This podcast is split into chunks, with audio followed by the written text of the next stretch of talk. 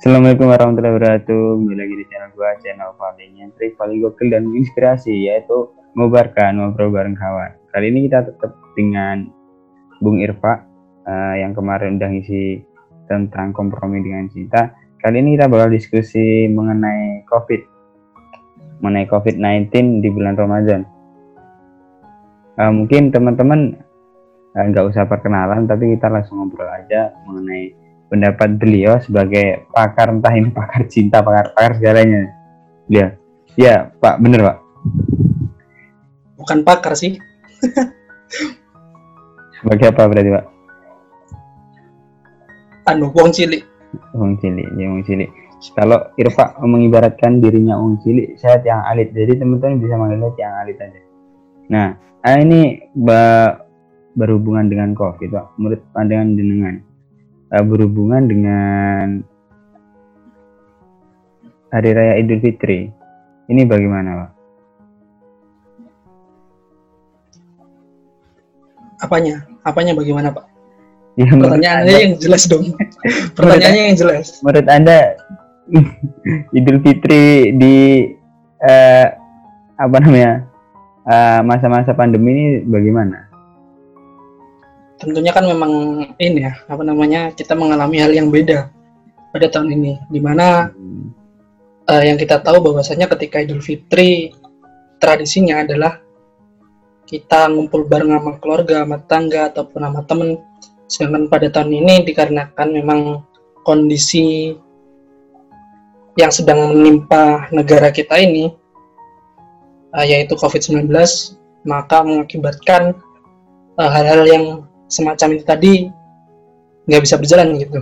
Hmm. karena memang dari pemerintah sendiri juga sudah menganjurkan agar tidak terjadi uh, suatu kegiatan yang menimbulkan uh, keramaian atau perkumpulan. Maka dari itu sebenarnya hari raya ini bisa dibilang uh, sepi sunyi. Cuman memang mungkin ini juga bisa jadi pelajaran buat kita bahwasanya uh, ini saatnya kita buat ngumpul bareng sama keluarga inti aja sih. Oke, jadi gitu ya Pak ya. Nah, uh, dari Bang Irfa sendiri nih, kegiatan yang dilakuin di hari raya kali ini apa aja sih? Terutama kan ini baru hari pertama ya, kita Idul Fitri di hari pertama, di minggu pertama kayak gitu bisa ceritain mungkin. Untuk, ke, untuk kegiatan di hari pertama ini mungkin hampir sama kayak teman-teman yang lain. Tadi juga kita sempat ini sholat idul fitri. Uh, kebetulan memang di ini apa namanya di wilayah Banyuwangi utamanya daerah selatan kan memang masih belum terlalu terdampak ya. Jadi untuk pelaksanaan sholat idul fitri sendiri masih diperbolehkan dengan catatan juga memperhatikan protokol yang sudah uh, dianjurkan oleh pemerintah gitu. Jadi tadi sholat Idul Fitri juga setelah uh, habis itu kegiatannya di rumah ya kita nerima tamu lah. Tapi uh, biasanya di tahun-tahun sebelumnya memang kita sempetin buat ini buat apa namanya kalau tahun sebelumnya kita sempetin buat keliling atau silaturahmi ke tetangga-tetangga. Cuman untuk tahun ini kita stay di rumah. Kita gantian yang terima tamu gitu. Oke baik. Jadi eh, kembali menarik pak. Ini menarik ya soal tadi. Bang Irfa menjelaskan mengenai protokol yang dijalankan ketika sholat id. Apakah ketika di lapangan uh, Anda melihat apakah telah sesuai gitu? Dan kemudian ketika belum sesuai apa yang Bang Irfa lakukan. Notabene yang notabene ya Pak ini berlatar belakangnya sebagai mahasiswa pergerakan otomatis mendukung kebijakan tersebut kan? Kayak gitu. Mungkin bisa jelasnya kalau melihat kondisi di lapangan tadi sebenarnya kalau dibilang uh, sesuai atau tidaknya bisa dibilang sesuai sih. Karena memang tadi jarak daripada sholat itu sendiri memang kita uh, dikasih space gitu antara satu dengan yang lain dan uh, pada pelaksanaan sholat Idul Fitri tadi kebetulan juga dari desa kalau nggak salah juga menugaskan uh, entah beberapa petugas dari Satgas Covid Desa Tegal Limo itu sendiri untuk bisa mengawasi dari pelaksanaan sholat Idul Fitri itu. Oke, jadi kalau secara protokol Bapak uh, Bang Irfan melihatnya sudah sesuai ya apa yang dihimbau sama pemerintah. Nah ini kemudian mungkin Bang Irfan bisa ngasih pandangan nih. Uh, kan ini kita sedang melaksanakan Hari Raya Idul Fitri di masa-masa pandemi dan banyak sekali kajian atau uh, apa ya namanya bahasan mengenai yang namanya the new normal, new normal atau kegiatan-kegiatan yang nantinya uh, bakalan ada setelah COVID. Namun ini yang ingin saya bahas itu soal uh, kegiatan selama ini, selama berlangsungnya Idul Fitri, kebiasaan-kebiasaan baru apa sih atau uh, kemudian hal apa sih yang bisa kita lakukan untuk tetap mengkondusifkan keadaan, tetap membuat keadaan uh, menjadi apa ya? Hmm, aura-aura silaturahminya tetap ada kayak gitu. Gimana? Gini, uh, Idul Fitri ini kan identiknya dengan kita silaturahmi ya. Kita saling hmm. Bermaaf-maafan. Hmm. Nah, kebetulan juga pada tahun ini uh, kita nggak bisa ngelaksanain itu secara langsung gitu, secara face to face. Maka dari itu kita pun saat ini juga hidup di zaman uh, industri 4.0. Maka dari itu uh, agar nuansa dari Idul Fitri itu sendiri tidak apa tidak hilang begitu saja maka kegiatan-kegiatan seperti silaturahmi saling bermaaf-maafan itu bisa dilakukan melalui kegiatan virtual. Contohnya kayak semacam kita ini. Nah eh, karena memang uh, ketika ada teknologi yang bisa kita manfaatkan secara baik kenapa tidak gitu? Baik baik baik. Jadi uh, banyak sekarang kegiatan dilakukan lewat virtual pak. Nah kemudian ya. uh, sebenarnya sebenarnya banyak banyak saya lihat di media juga konten-konten yang kreatif lah. Tentang mungkin kalau semuanya foto kemudian video suaranya itu... dikerasin lagi pak. Hah? suaranya dikerasin lagi. Banyak banyak uh, hal-hal baru yang saya temui ketika pandemi ini. Ya yang paling mencolok kesepian kesunyian yang bawa katakan tadi. Namun kemudian di media tuh banyak marak tentang foto pakai tangan salaman lalu ada THR virtual kayak gitu gitu nah mungkin bapak bisa uh, bapak Irfa atau bang Irfa bisa apa ya pandangannya lah apa kondisi saat ini tentang di media. Main media tuh kayak gimana sih? Kan bapak juga udah mahasiswa pergerakan kemudian jurusan manajemen manajemen informatika lah ya. Bener ya? Iya ya, ya mungkin bisa bisa dikasih itulah sharing-sharingnya soal itu. Iya uh, sebenarnya juga saat ini kita bisa ini berlatih untuk menggunakan media sosial dengan bijak itu nah kalaupun terkait selaman online itu tergantung hmm. apa namanya uh, substansinya itu gimana. Itu mereka pembawaannya memang dibuat bercanda atau memang uh, itu dijadikan sebagai hal yang serius. Namun ketika ngomongin soal jabat online ya jabat tangan online saya kira itu nggak perlu gitu. Cukup kita kirim pesan aja kepada mereka dan kalaupun kita ingin kasih THR itu nggak perlu difotoin pak. Karena sekarang nah. juga udah ada ATM ataupun yang lain gitu. Bisa langsung okay, kirim aja nomor melalui pesan itu tadi nah ini menyoal tadi pak soal uh, ucapan ya ucapan minal aizin al faizin kayak gitu uh, pertama yang ingin ingin saya sharingkan ke jenengan soal ini pak. Tadi saya lihat postingan dari Presiden Jan Cukers menuliskan bahwasanya kebanyakan dari kita bilang itu uh, mohon maaf kalau saya ada salah. Nah di tweet sombong mbak sombong amat nih manusia bilang kalau ada salah kayak gitu bentar pak ada naga naga bunyi bentar ada naga yeah. itu nyaring sekali kayak orangnya Iya, bisa dijadikan soundtrack gitu. Nah, naganya menyemburkan aura-aura positif ini, Pak. Makanya. Nah, yang udah selesai.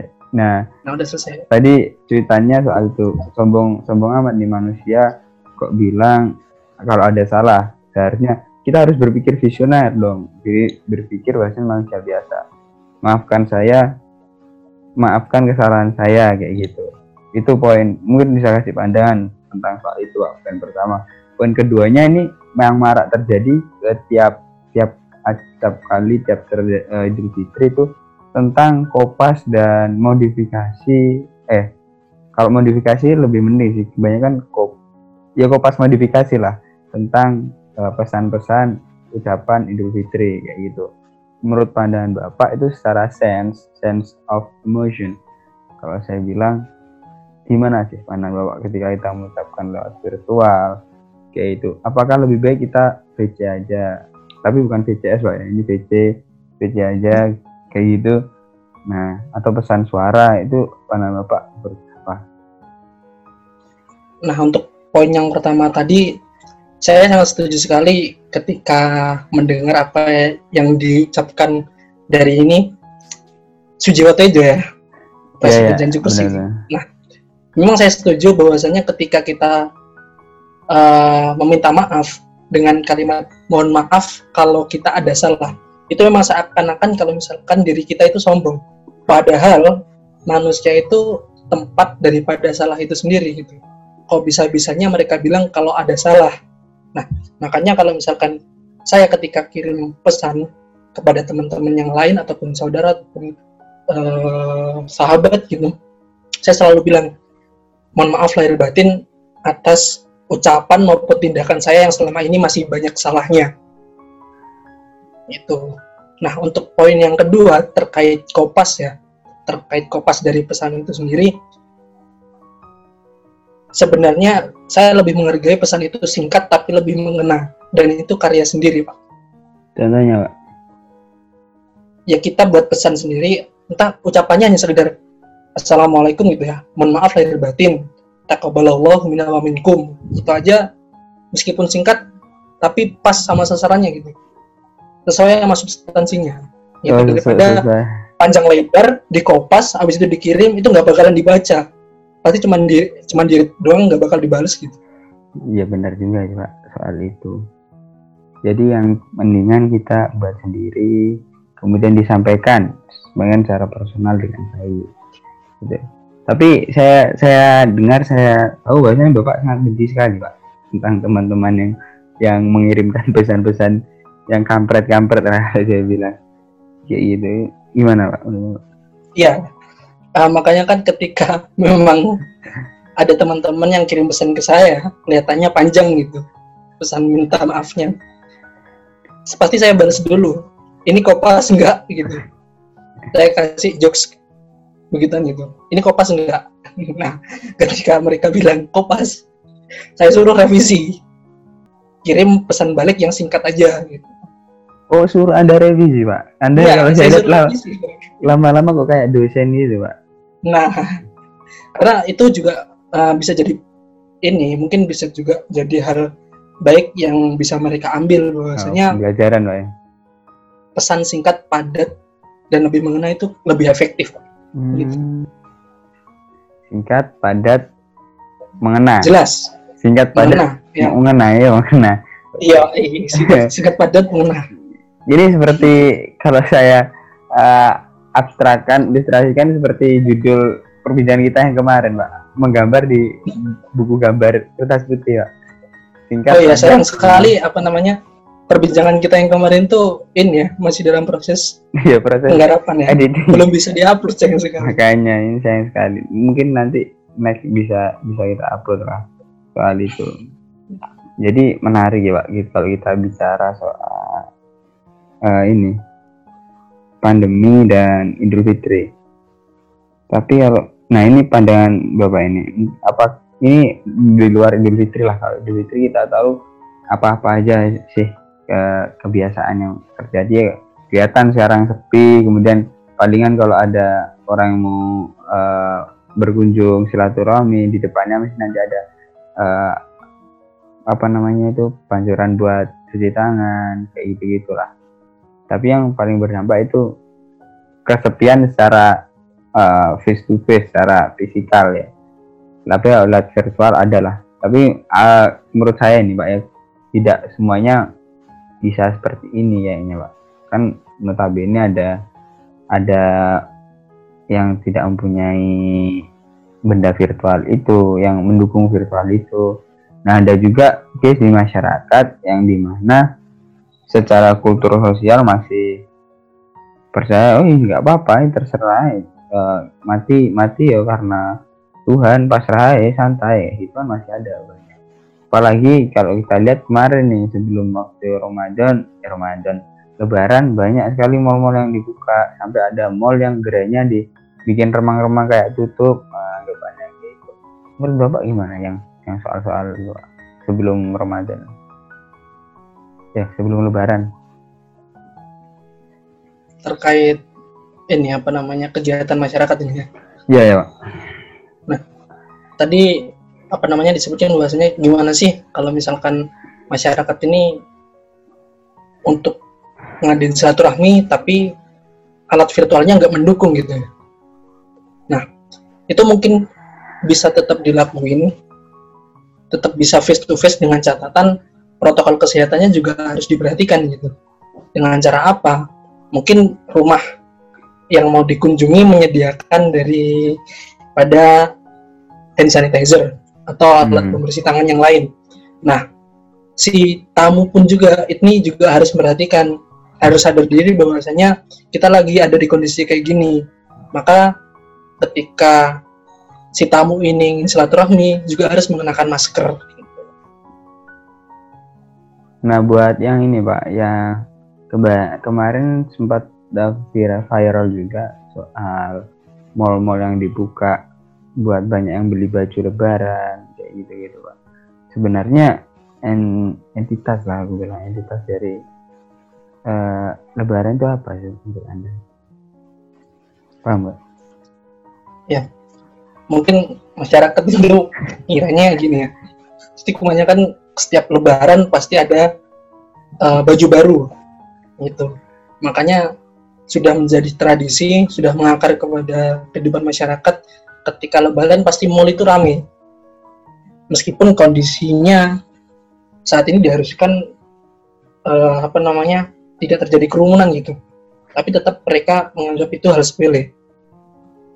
Makanya ini juga sebenarnya ini ada relasinya kalau misalkan saya bilang ada relasinya juga dengan BLT pak.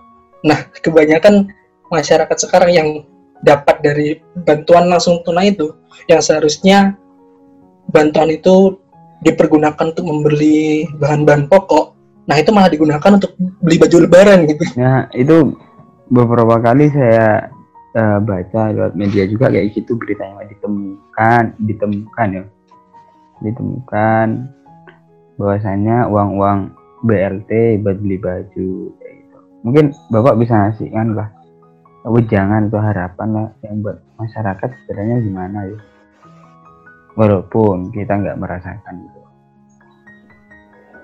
Ya sebenarnya yang pertama harus dipahami itu esensi daripada Lebaran itu sendiri. Hmm. Gimana? Ya, karena memang esensinya jangan sampai kita berpikiran bahwasanya Lebaran ini harus ada baju baru, harus ada sepatu baru, harus ada apa namanya paket-paket baru atau yang lain lah.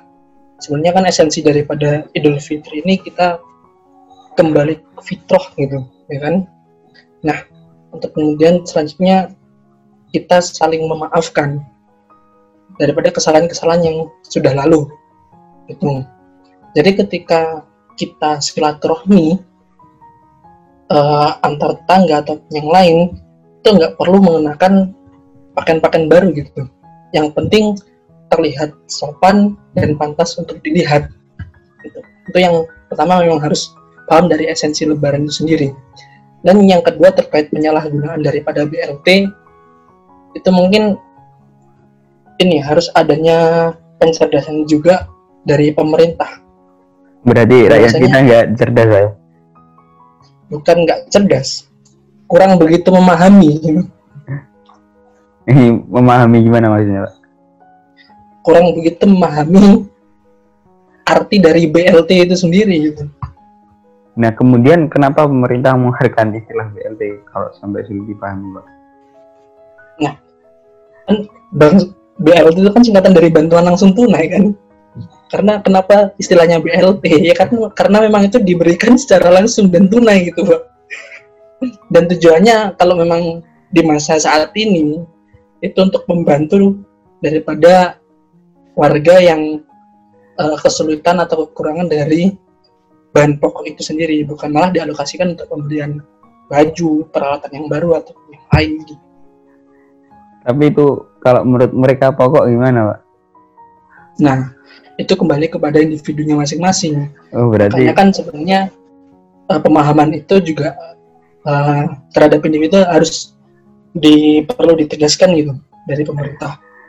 Kalau perlu ya, kalau perlu malahan jangan bantuan langsung tunai, bisa langsung disalurkan dalam bentuk ini sembako.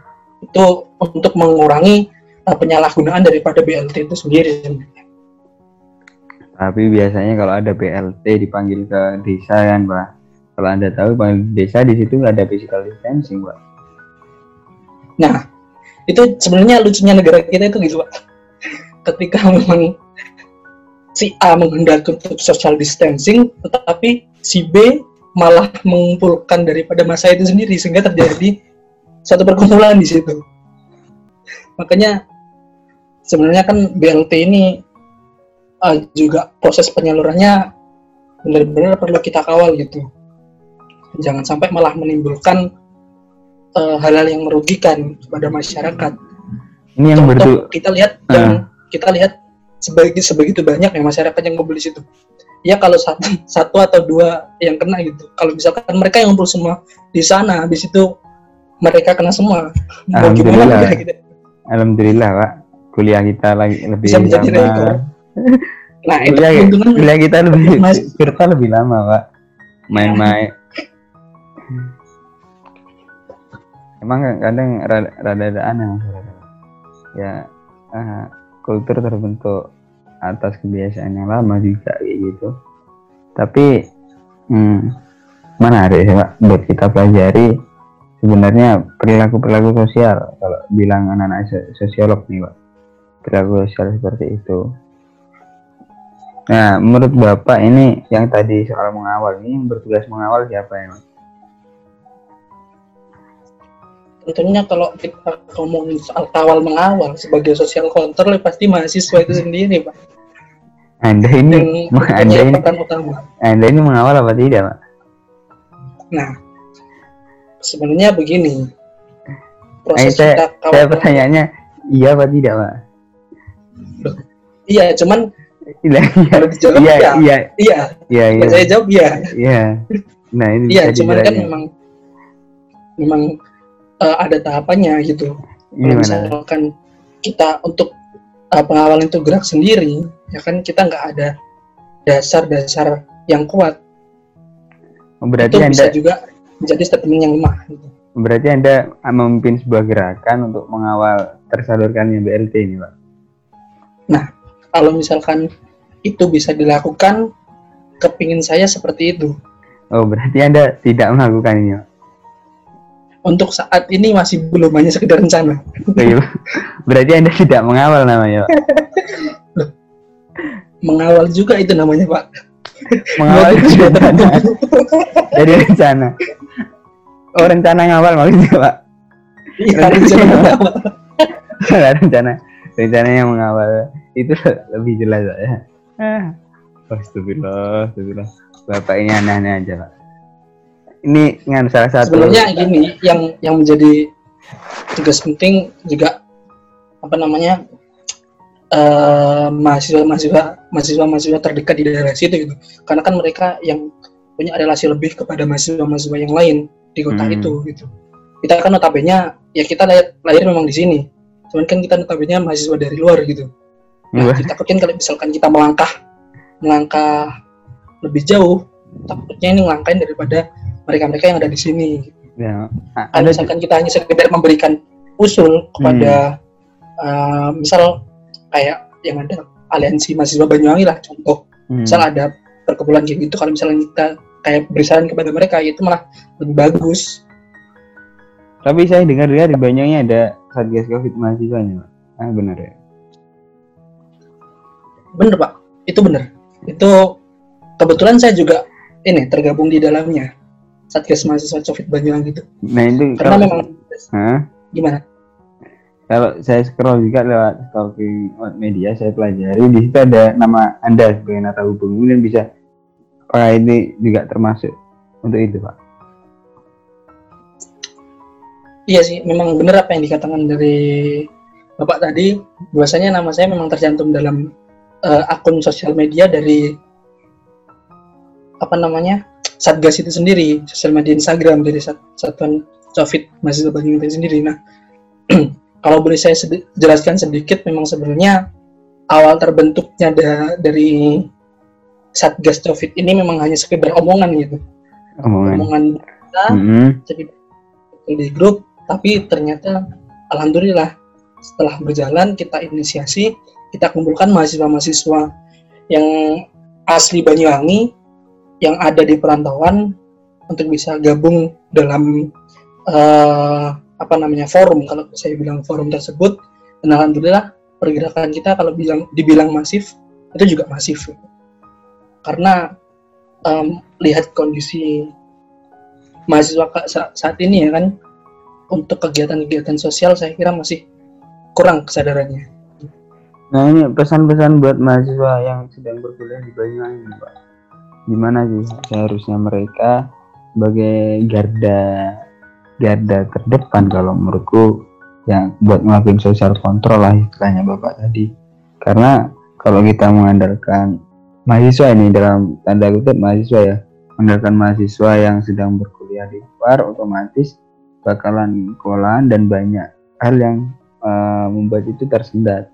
Nah, buat pandangan Bapak ini, bagaimana sih caranya menurut Bapak yang dari mahasiswa luar melihat mahasiswa yang ada di Banyuwangi berkuliah menyikapi hal-hal seperti ini seperti pengawalan BLT, entah itu eh, COVID-nya, eh, kemudian memberikan contoh di Idul Fitri ininya itu kayak gimana sih Pak? Kan ada di Banyuwangi kampus favoritnya kan kalau menurut saya ada itu kan itu Poli Poliwangi ya.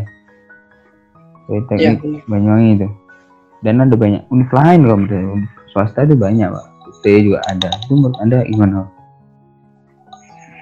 Sebenarnya untuk memaksimalkan hal-hal seperti itu teman-teman itu perlu adanya sebuah inisiator gitu. Inisiator dari sebuah gerakan itu sendiri. Soalnya kalau lihat kondisi sekarang itu teman-teman itu sebenarnya mau untuk melakukan hal itu, cuman malu. Mereka itu mau, malu dan kadang bingung mau mau mulai dari mana. Nah makanya dibutuhkanlah sosok-sosok orang yang punya yang ini yang memiliki visi daripada eh, kegiatan ataupun forum itu sendiri.